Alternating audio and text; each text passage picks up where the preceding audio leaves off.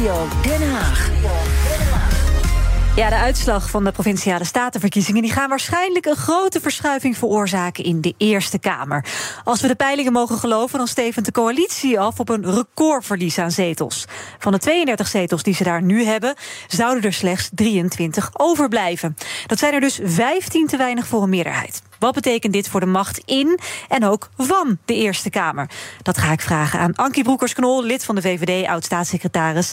En ze liep maar liefst 18 jaar rond in de Eerste Kamer, waarvan zes jaar lang als voorzitter. Hartelijk welkom, mevrouw eh, Broekers-Knol. Dank u wel. Kijkt u met uh, angst en beven naar de uitslagen vanavond? Angst en beven langzamerhand niet meer, want de uh, prognoses die geven al aan dat het uh, niet zo goed gaat uh, voor de coalitie. Maar het is natuurlijk wel zorgelijk. Ja, hoe erg is het als dat tekort van de coalitie zo ver terugvalt, van 32 zetels naar wellicht 23? Nou, dan wordt het heel erg lastig om een meerderheid te krijgen, om wetgeving er doorheen te krijgen. Kijk, als, het, als je minderheid twee of drie zetels is, dan lukt dat nog wel, omdat je dan met anderen praat, maar dan heb je twee of drie stemmen extra nodig. Mm -hmm. Maar ja, als je met op uitkomt op 23 of 24 met z'n allen, en je moet er 14 of 15 bij zien te krijgen, dat is enorm veel werk. Ja, dan heb je de linkse wolk. Ik geloof dat ze nu op 14, 15 zetels in de peilingen staan.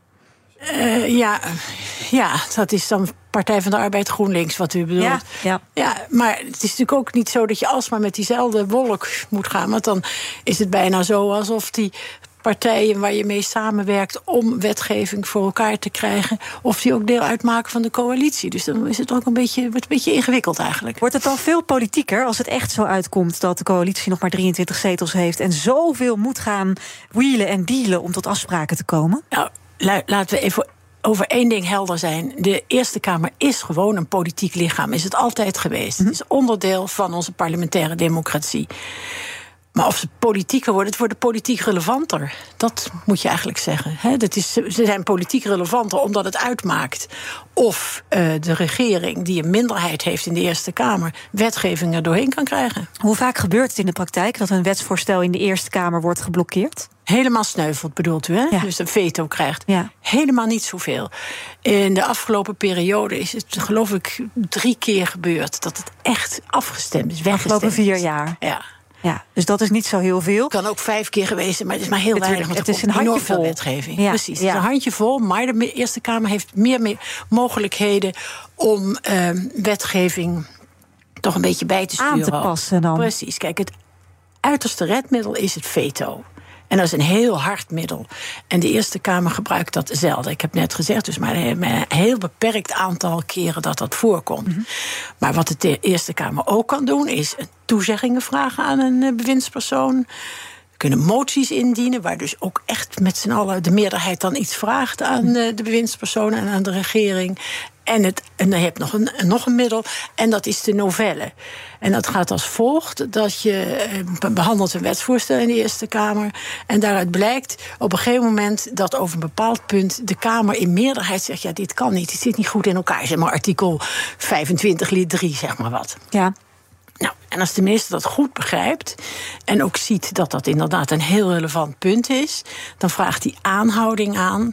En dat betekent dat hij op dat moment stuurt hij, gaat hij terug naar de Tweede Kamer om ja. te kijken of hij dat 25 lid 3 gewijzigd kan krijgen. Lukt dat in de Tweede Kamer, dan komt het terug en dan wordt alsnog de wet aangenomen. Maar dat heet dan een novelle. Mm -hmm. Het, het alleruiterste redmiddel is het vetorecht. Dat de meerderheid zegt: nee, doen nee, we niet. En dat wordt dus heel weinig gebruikt. Weinig gebruikt. En dat, in principe is het omdat het op een merites wordt beoordeeld. Hè? En mensen zeggen: dit is niet uitvoerbaar of niet rechtmatig. Hè? Daar komt het dan op neer. Ja, er zijn drie criteria eigenlijk. En dat is door Herman Tjenk Willink ooit uh, is dat heel duidelijk naar voren gebracht. Je, hebt, je toetst op rechtmatigheid. Is het in strijd met andere wet en regelgevingen, maar zeker ook met de grondwet. Mhm. Mm -hmm. Je kijkt: is het uh, uitvoerbaar? Kan het eigenlijk wel? En ook is het handhaafbaar? Want een wet die je aanneemt die niet hand, te handhaven is, ja, dat uh, schiet ook niet op. Nee, en dat gebeurt dus echt zelden, zegt ja. u.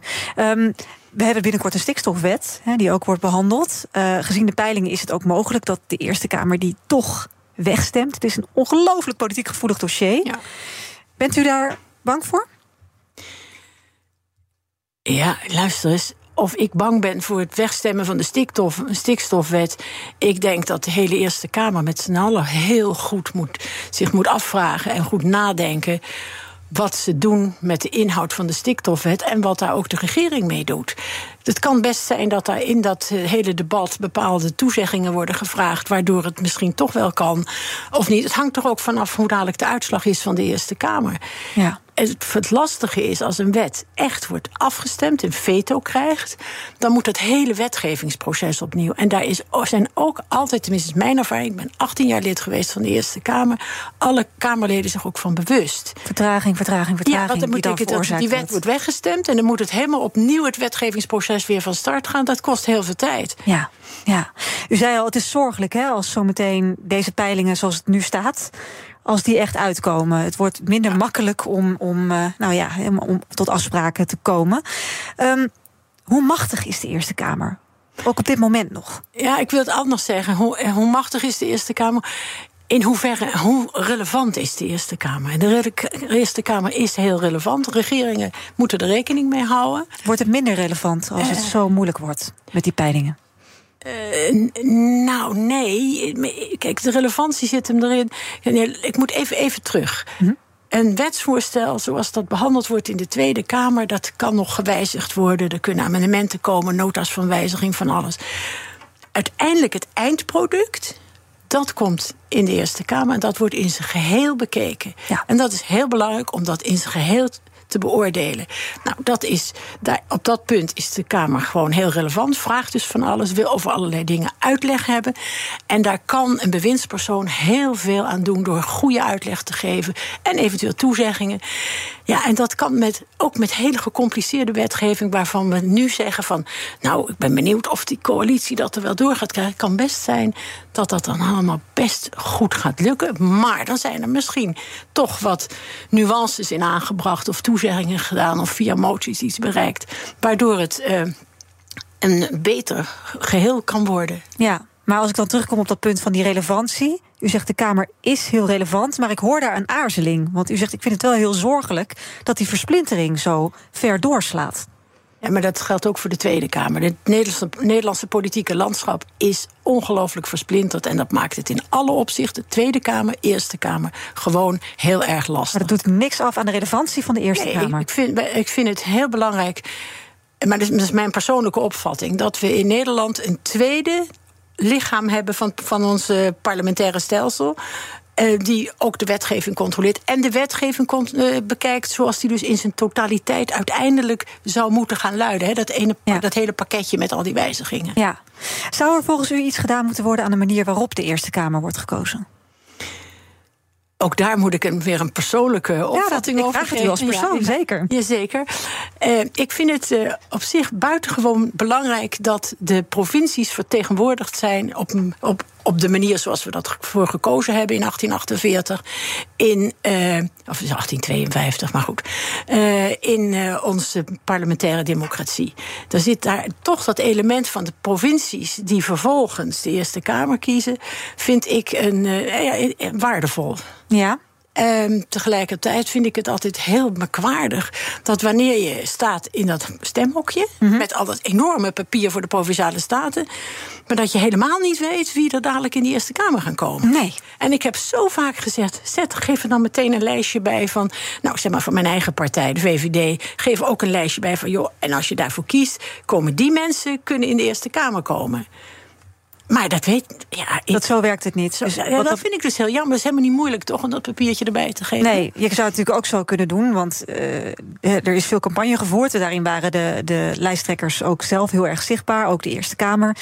Um, dat mensen rechtstreeks voor de Eerste Kamer kunnen stemmen. En dan gaan de provinciale statenverkiezingen misschien ook weer wat meer over die provincie. Want je denkt nu toch dat veel mensen strategisch gaan stemmen in dat hokje. Ja, maar dan krijg je echt een doublure ook weer van de, van de Tweede Kamer. En ik zei, heb net gezegd, ik vind juist ook die binding via de provinciale staten met de provincies, vind ik een, iets wat vind ik heel erg waardevol. Dus niet achterhaald.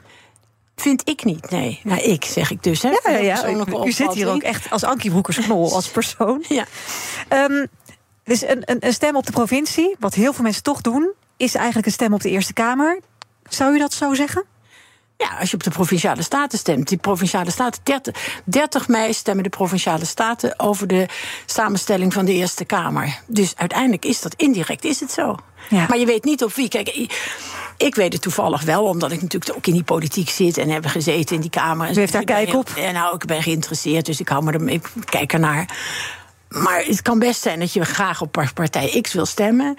Maar mevrouw hij, die, op die, die dadelijk in de Eerste Kamer, vind je eigenlijk een verschrikking. Die wil je niet. En dan denk je, god, weet je, stem ik toch maar op partij X. Want die vind ik, of de andere partij, want die vind ik, die hebben een kandidaat, daar heb ik echt vertrouwen in. Ja. Maar dat is dus niet zo. Nee. Nog even over ook u persoonlijk. U. Um u bent onlangs nog eh, staatssecretaris geweest, allemaal eh, lang trouw VVD-lid.